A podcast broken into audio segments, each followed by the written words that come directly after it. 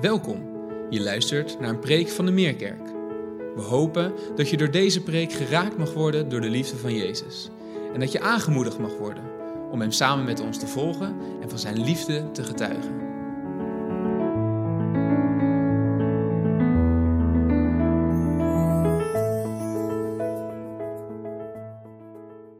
Goedemorgen allemaal. Ik zag uh, sommigen van jullie een beetje nerveus om je heen kijken toen ik met die sporttas opkwam. We gaan toch niet bewegen vandaag? Nee, rustig aan. We bewegen ons wel voort. We bewegen ons voort in de bergreden waarin we momenteel zitten als gemeente. We zijn deze bergreden begonnen aan het begin van het seizoen en we zullen een heel seizoen uittrekken om deze hele bergreden met elkaar te doorlopen, te overdenken. We zijn begonnen dus met de bergreden van Jezus Christus in hoofdstuk 5 van het evangelie geschreven door Matthäus. In hoofdstuk 5 werd ons bepaald wat goddelijk geluk inhoudt. Het heeft ons bepaald bij de drijfveren van ons eigen hart, ook de negatieve dingen zoals moord en overspel, valse eed, wraak, haat. We hebben gemerkt ook dat Jezus in de bergreden heel specifiek een aantal keer God benadert als vader, wat nieuw is. In het hele Oude Testament kom je dat niet tegen, dat God in zo'n intieme vorm aangesproken wordt als vader. En dan starten we ook uh, met hoofdstuk 6, dat hebben we doorlopen. En die gedachte van God als hemelse vader komt een aantal keer daar terug. En we sluiten vandaag hoofdstuk 6 ook af met elkaar. En dan hebben we nagedacht over een heel aantal dingen. We hebben nagedacht over wat het betekent om te geven, om te bidden, om te vasten. Remy heeft vorige week gesproken over het verzamelen van hemelse schatten in plaats van aardse schatten. En ook de keuze die ons allemaal wordt gesteld, welke God dienen we uiteindelijk? Kiezen we voor de levende God of kiezen we voor de mammon, de God van het geld, de welvaart, het bezit? Vandaag Vandaag gaan we zien dat Jezus ons een aantal redenen geeft aan het eind van deze berg van dit hoofdstuk 6. Jezus geeft een aantal redenen om je nergens zorgen over te maken. En het grappige is dat uh, ik de overdenking van vandaag over heb genomen van Wichelen, afgelopen week, vanwege ziekte. En ik me zorgen maakte over de preek van, van vandaag. Maak je geen zorgen. En ik maakte me zorgen over de preek van vandaag. En ik moest ook denken aan een verhaal van vroeger, uh, waarin mijn vrouw Linda zich enorm veel zorgen maakte. Uh, ik moest ook denken aan de, bank waar Daniel ook in zat.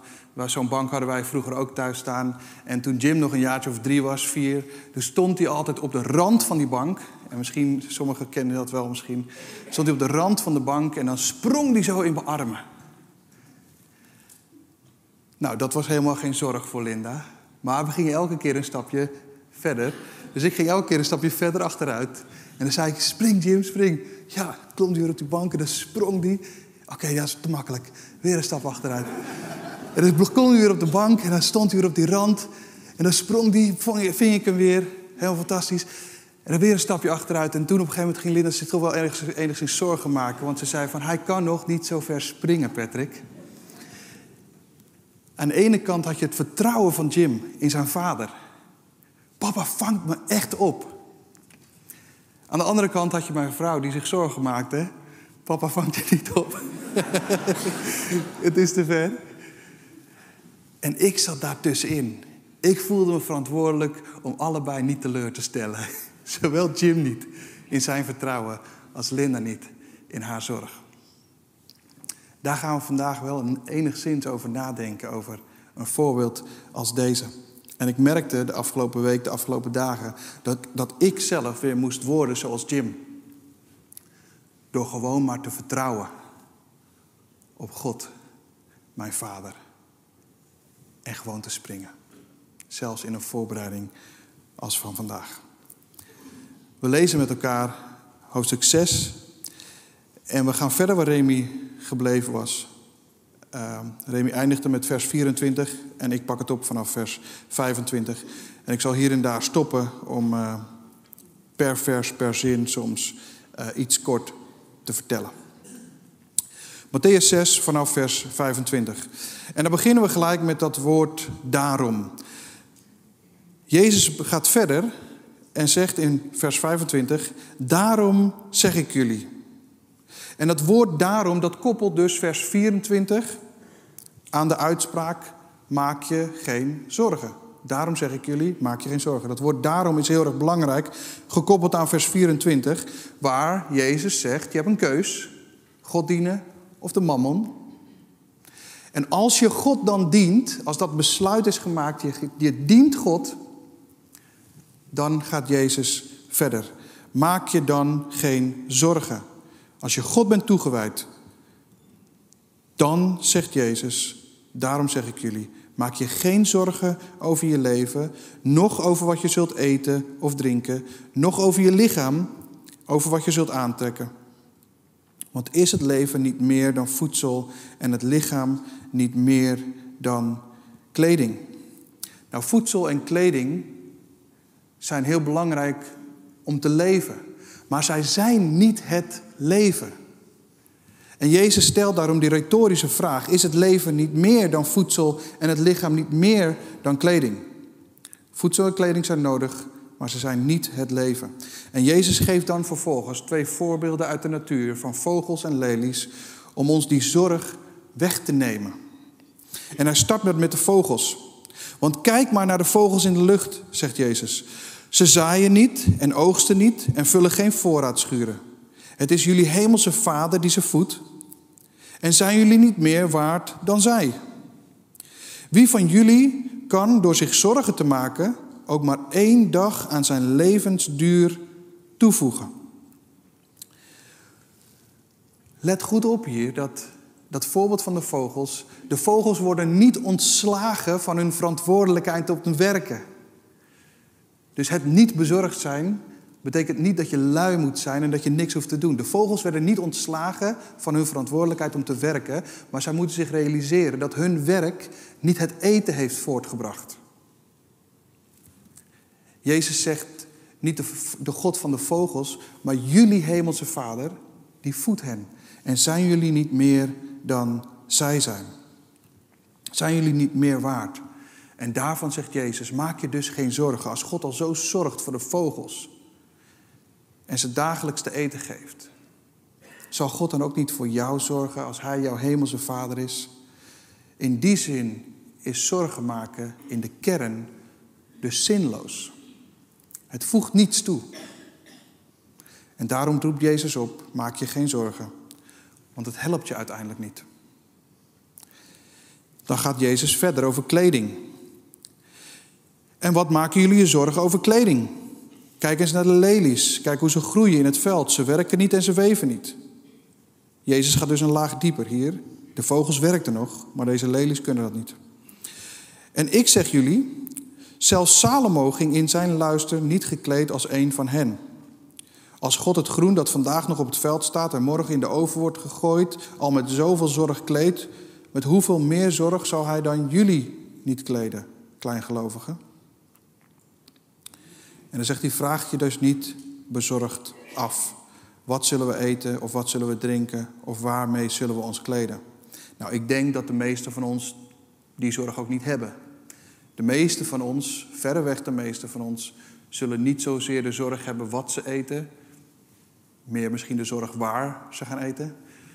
De meeste van jullie hebben ook niet de zorg over wat je gaat kleden, hooguit wanneer je dat gaat kleden. En ik, moet wel, ik vind het ook wel grappig, want mijn vrouw Linda die legt altijd mijn kleding klaar. Die maakt zich dus wel zorgen over mijn kleding. en, en, en door de week maakt het niet zoveel uit, maar op zondag vindt ze dat toch wel een dingetje. Dan, dan, dan, dan legt zij de kleding klaar, ik zeggen.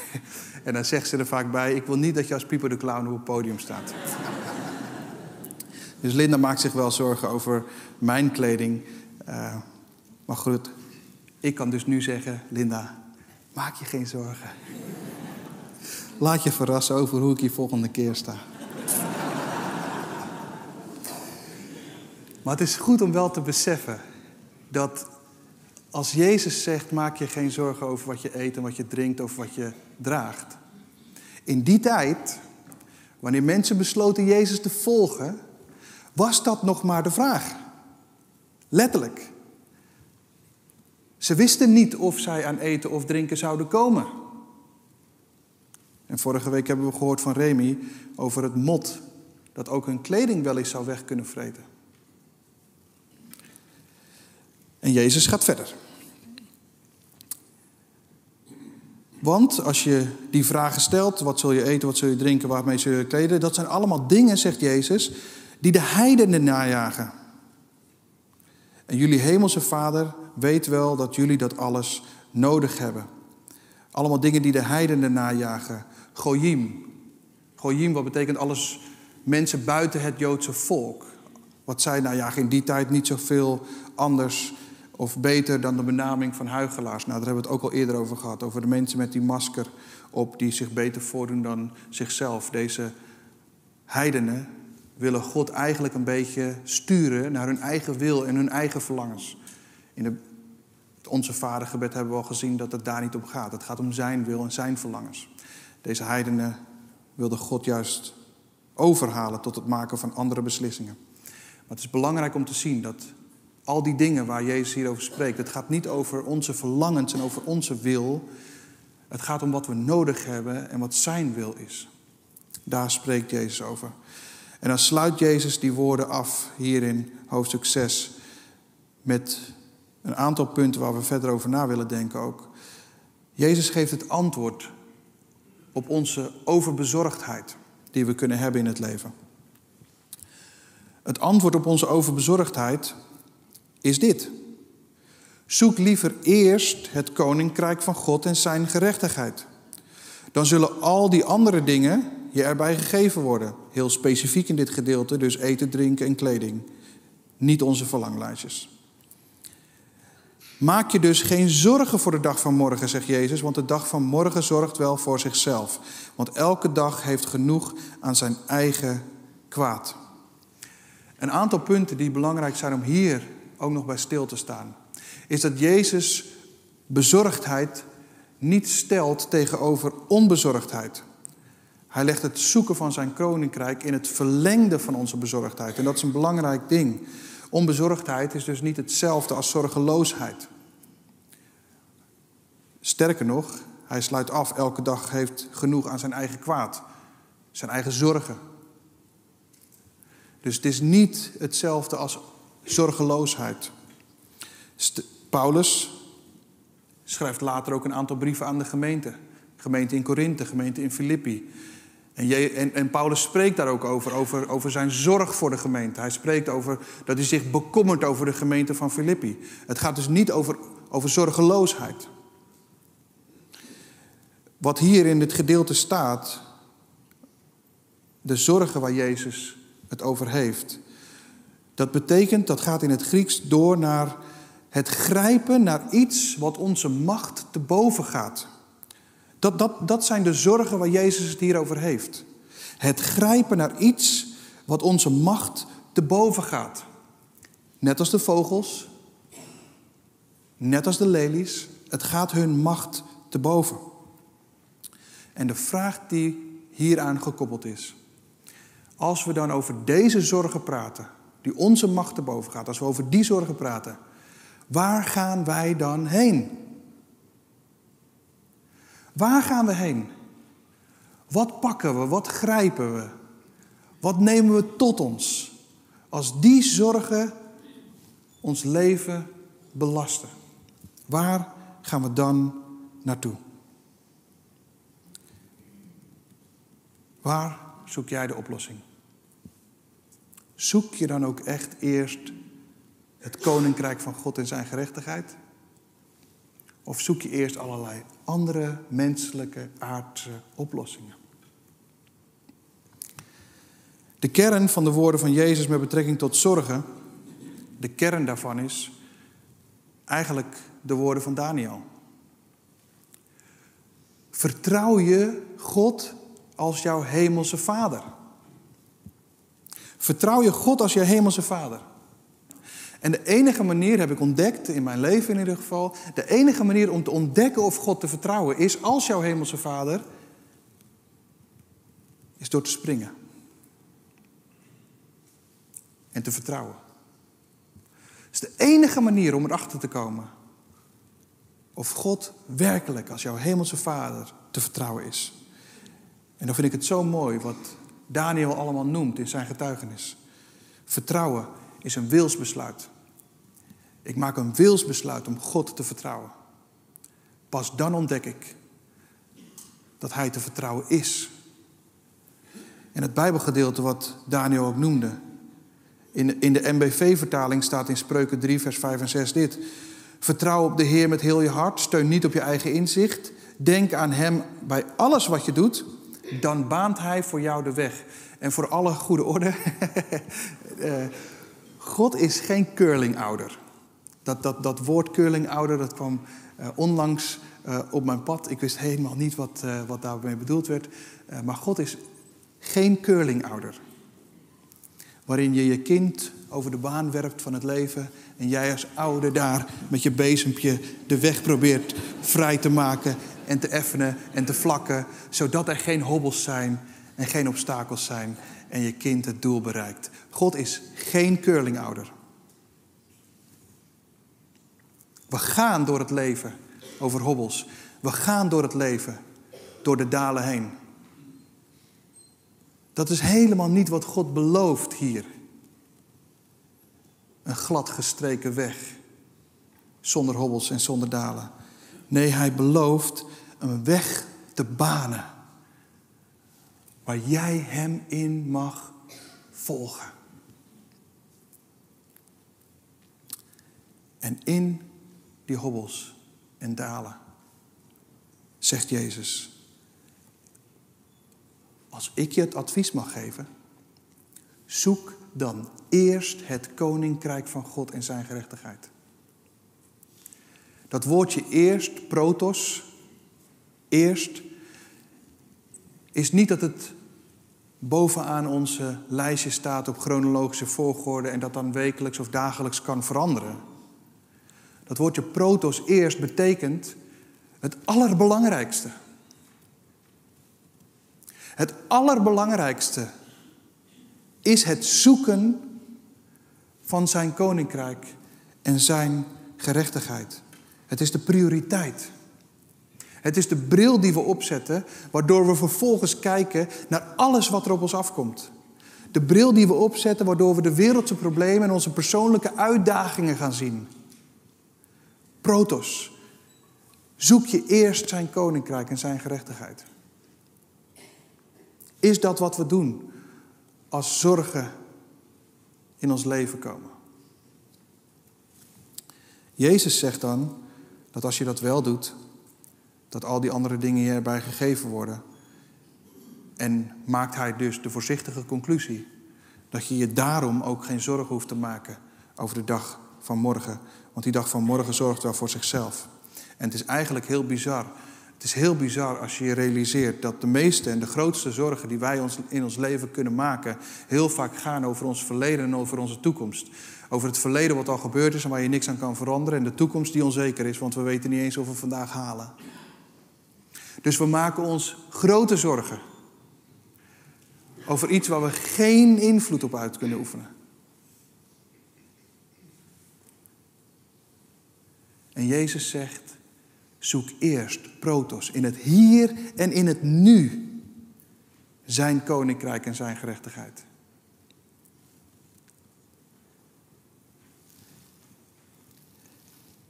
Ik heb me soms ook wel verbaasd Woorden die misschien wat meer bij de jongeren liggen, maar waar ook de grotere en de volwassene generatie eh, mee te maken heeft gekregen, eh, zijn de woorden YOLO en FOMO. Nou, de meeste mensen, wie weet niet wat die woorden betekenen? Toch wel nog een aantal. Oh, ik dacht iedereen weet dat. Oké, YOLO onze jongere generatie kent dat zeker. YOLO betekent you only live once, dus je leeft maar één keer. En dat, dat, ja, dat is eigenlijk een vrijbrief om maar gewoon te doen en laten wat je wil. Uh, ook allerlei gekke dingen, want je leeft tenslotte maar één keer. Nou, dat is YOLO. En FOMO is the fear of missing out. Dus de angst dat je iets gaat missen. Dat zijn twee woorden die heel belangrijk zijn in, in, in onze jongere generatie, die hun leven mede bepalen. En FOMO overigens, de fear of missing out, de angst dat je iets mist, is, is niets nieuws. Uh, voor onze oudere generatie is dat gewoon het simpele voorbeeld dat het gras bij de buren altijd groener is. Uh, en totdat je erop staat en tot de ontdekking komt dat het kunstgras is. Maar dat is, dat, dat, dat is het wel. Dus, dus, dus de fear of missing out. We, we, we zijn angstig uh, dat, dat, dat we iets missen. En het is ook altijd zo. We kijken en vergelijken en we komen altijd tot de ontdekking dat er altijd iets beter is, nieuwer is, uitdagender is. Dat is niet alleen maar in de wereld zo, dat is ook gewoon onder ons christenen zo. Dat is FOMO. En YOLO, je moet alles een keer gedaan hebben, want je leeft tenslotte maar één keer. En het is heel gek, want de realiteit van het leven, weten we allemaal, is dat we in die end, aan het eind van ons leven, meer gemist hebben dan meegemaakt hebben geldt voor ons allemaal. Je hebt aan het eind van je leven, dat is de realiteit, meer gemist dan meegemaakt. Maar dat leidt uiteindelijk wel tot FOMO, die gedachte, dat je angstig wordt. Want we willen allerlei keuzeopties hebben. Veel jongeren willen allerlei keuzeopties hebben. Ik, ik ga nog wel eens met Jim, zeker nu in deze tijd, een ijsje halen. Waar je vroeger misschien alleen maar aardbei, vanille en banaan had als keuze voor een ijsje. Eh, heb je nu een heel scala aan keuzes. En dat vinden we prettig. Aan de ene kant. Aan de ene kant vinden we dat prettig. We willen een scala aan keuzes hebben. Eigenlijk onbeperkte keuzevrijheid gewoon. Gewoon kiezen. Weet je wel? Terwijl mijn ervaring is, als Jim dan voor die vitrine staat en een ijsje mag uitzoeken en twee bolletjes mag, te midden van 50 keuzes, dan hebt hij altijd het idee aan het eind: ik heb wel een ijsje gegeten, maar de verkeerde smaak. Dat is FOMO. Dat is FOMO. De fear of missing out. We hebben zoveel. Dat de, welke keuze je ook maakt, je hebt altijd het idee, het had beter misschien wel gekund. Het had beter gekund. En daarom zegt Jezus dat je zorgen maken in deze zin, want dat is wat er gebeurt als je je moet kiezen, en als je niet kiest, kies je ook. En dan maken we daar vervolgens ons weer zorgen over. En die zorgen zijn in essentie dus zinloos. Zonde. Het voegt niets toe. Het haalt alleen maar iets weg. Iemand zei eens over bezorgdheid, over je zorgen maken. Die zei: Bezorgdheid trekt de wolken van morgen over de zonneschijn van vandaag. En dat vond ik een hele mooie. Bezorgdheid trekt de wolken van morgen over de zonneschijn van vandaag. En ik denk dat dat het ook is. Geniet van vandaag. Vandaag heeft genoeg aan zijn eigen zorgen. Een ander gedeelte uit Spreuken, Spreuken 12, vers 25, die schrijft over bezorgdheid het volgende. Die zegt: Bezorgdheid maakt een mens neerslachtig. Dat is wat zorgen met ons leven doen. Zorgen, bezorgdheid maakt ons neerslachtig. En dan komen we toch terug bij, hoe kan het ook anders? Onze basic fit tas, onze rugtas, onze eigen rugtas. Want we kunnen in ons leven ons overal zorgen over maken, over de gekste dingen. We kunnen ons zorgen maken over ons huis waarin we wonen of nog niet wonen. Misschien huren we, willen we kopen. Misschien woon je bij je ouders. Wil je kopen, kan je niks kopen. Je kan ook niks huren, het is allemaal te duur. Zorgen. Velen van jullie, de meeste in ieder geval, hebben examen gedaan. Sommigen zitten er middenin. Zorgen. En misschien heb je zelf wel geen examen, maar doet je kind examen, nog meer zorgen. Deed je het zelf maar. Andere mensen maken zich zorgen over hun financiën. Je maakt je zorgen over je huwelijk. Je maakt je zorgen over je kinderen. Je maakt je zorgen over, noem eens wat. Gezondheid. Je maakt je zorgen over gezondheid. En we hebben de afgelopen jaren ons ook heel veel zorgen gemaakt over een heel belangrijk ding in ons leven.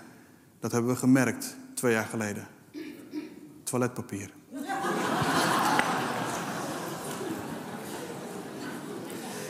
En dit is dan vervolgens, dit is ons leven.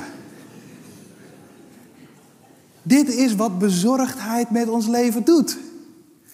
Ik, ik, ik zou graag iemand willen vragen om deze tas te dragen vandaag. Uh, zeker omdat ik die stenen naar de dienst weer terug moet leggen. Maar dit is ons leven. En we kunnen ons nog over veel andere dingen zorgen maken. En we slepen het over de grond en zo leven we voort van dag naar dag naar dag naar dag. Dit is wat zorgen met ons leven doet. Het belast je leven en het wordt er alleen maar zwaarder van. En daarvan zegt Jezus, daar is een oplossing voor. Zoek eerst het koninkrijk van God en zijn gerechtigheid. Dat is de plek waar je dit alles kan brengen. Dat is de plek waar je het kan neerleggen. Dat is de plek waar het voor jou gedragen wordt. Dat is de plek waar een uitgestoken hand is die je helpt. Niet als een curlingvader, maar wel als de God, de levende God, die de weg baant en waar jij kan volgen. Geen weg zonder hobbels of zonder bergen of zonder dalen. Maar een levende God die krachtig genoeg is om al jouw zorgen te dragen. En het zal je ook niet verbazen dat in de kern, de bron van onze bezorgdheid, zich afspeelt hier en hier. Ons hart en onze gedachten. Dat is de bron waaruit bezorgdheid komt. En als het zich daar nestelt en als het daar wortel schiet, dan zullen we merken dat het een aantal negatieve lichamelijke effecten heeft. Overbezorgdheid maakt je neerslachtig, maakt je somber. Geeft je hartkloppingen, vermoeidheid, prikkelbaarheid, rusteloosheid. Jezus legt ons hier uit dat overbezorgdheid is een gif voor je lichaam. En tegelijkertijd geeft hij het antigif. Zoek dus eerst het koninkrijk van God en zijn gerechtigheid. Leg daar je rugzak neer. En dan zal je ervaren wat Paulus later ook schrijft in Filippenzen 4. In Filippenzen 4 schrijft Paulus over die bezorgdheid. Wees over niets bezorgd. En Paulus kan weten wat bezorgdheid is. Wees over niets bezorgd, maar vraag in alle omstandigheden aan God wat u nodig hebt en dank Hem in al uw gebeden. Dan zal, dat is een belofte, dan zal de vrede van God, die alle verstand te boven gaat, uw hart en gedachten in Christus Jezus bewaren. Waar ga jij naartoe? Waar leg jij je rugzak? Wat stop je allemaal elke dag weer opnieuw in je rugzak? En wat is eigenlijk onzinnig per definitie, omdat het zorgen zijn uit het verleden en zorgen zijn over je toekomst? Waar ga jij naartoe? Zijn koninkrijk en zijn gerechtigheid. Daar wil ik mee afsluiten ook. Zijn koninkrijk en zijn gerechtigheid is niet begrensd. Het is niet als een land wat begrensd is. Of als een gebied waar God dan koning is van een heel specifiek rijk. Gods koninkrijk is niet begrensd of aan een plaats gebonden. Gods koninkrijk is daar waar Hij regeert door zijn woord en door zijn geest. En dat betekent dat dat zelfs in ons eigen leven kan zijn. Zelfs in ons eigen leven. Als wij Jezus Christus aannemen als ons persoonlijke verlosser en Heer, wordt Hij door zijn Heilige Geest deel van ons leven. En de vraag is dan, zit Hij op die troon? Is Hij de koning die regeert door zijn woord en zijn geest in jouw leven? Is dat zo? En Gods koninkrijk en zijn gerechtigheid, dat zijn niet twee aparte dingen. Die zijn onlosmakelijk met elkaar verbonden. Als Gods koninkrijk, waar Hij koning is en Hij regeert, als dat deel is van je leven, dan is daar ook gerechtigheid. Ik stel me zo voor dat als Jezus dat zegt, zoek Gods koninkrijk en zijn gerechtigheid, dat, dat, dat, dat deze leerlingen van Jezus eigenlijk gelijk gaan naar Jeremia 23. Jeremia 23 waar gezegd wordt, de Heer is hun gerechtigheid, de Heer is hun gerechtigheid. Gerechtigheid is Jezus Christus. En als Hij deel wordt van jouw leven, als koning, dan is daar dus ook gerechtigheid. En dan zegt de Bijbel dat de Heilige Geest in jouw leven komt wonen. En met het feit dat de Heilige Geest in jouw leven komt wonen, worden de negen karaktereigenschappen van wie God is deel van jouw leven. De negen karaktereigenschappen van liefde, vreugde, vrede, vriendelijkheid, goedheid, geduld, geloof, zachtmoedigheid, zelfbeheersing. Die negen worden allemaal deel van jouw leven. En dat is niet jouw verdienste. Dat is door geloof en door genade. Dat is wat Hij als Hemelse Vader jou wil geven.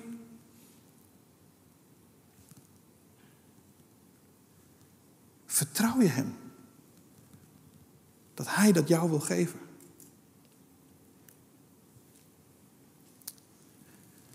Ik wil vragen of de band alvast naar voren komt om af te sluiten met dat gedeelte. Waarin de Heilige Geest woont in ons leven. En automatisch ons gedrag en ons karakter gevormd wordt. En ik wil bidden dat die koninkrijk en die gerechtigheid, ik wil bidden dat we die voor ons allemaal, inclusief mezelf, die zich zorgen heeft gemaakt afgelopen week, dat we allemaal leren en ons helpen om eerst het koninkrijk en zijn gerechtigheid te zoeken. Protos, prioriteit, nummer één in ons leven. Van alle zorgen die we met ons meedragen, van alles wat er op ons afkomt nog, van alles wat gaat komen. Laten we elkaar helpen om protos eerst zijn koninkrijk en zijn gerechtigheid te zoeken, elke dag weer. Want dan zullen al die andere dingen je erbij gegeven worden. Dan zal de vrede van God, die ons verstand te boven gaat, jouw hart en gedachten bewaren in Christus Jezus. En de allerbelangrijkste vraag die ik jou vandaag wil stellen, is dit. Vertrouw je jouw hemelse Vader, dat Hij in jouw dagelijkse zorgen voor je zorgt.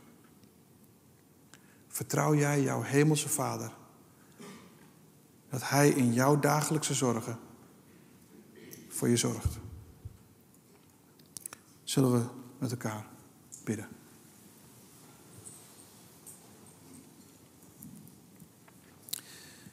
En zo komen we deze ochtend bij u. We kunnen niet anders dan u zoeken. U en uw gerechtigheid. Heer, dank u wel dat u door genade deel wilt worden van ons eigen leven. Daar waar we vanuit onze eigen natuur u de rug toe hebben gekeerd. Waar onze wil altijd belangrijker is geweest dan uw wil. Heer, maar het is dankzij geloof en genade dat u ons rechtvaardig verklaart. Het is door genade dat we u mogen aanroepen als Abba, Vader. En zo wil ik bidden voor ons allemaal, inclusief mezelf. Heer, kom ons allen tegemoet. Want we hebben allemaal ons eigen rugzak. We hebben allemaal onze eigen zorgen. We hebben allemaal onze eigen ballast die we elke dag opnieuw moeten dragen. En elke keer als we de wereldse oplossingen hebben gezocht, komen we beschaamd uit. Help ons om allereerst in onze zorgen u te zoeken. In de wetenschap dat we u zullen vinden. Leer ons op u te vertrouwen. En geef ons de moed en de kracht om te springen. Want alleen dan weten we dat u te vertrouwen bent. Heer, en wil een moment stil worden om dat misschien wel uit te roepen naar u. Ja, ja, u bent ook mijn hemelse Vader. En ik wil u vertrouwen. Hoor ons daar in deze momenten van stilte.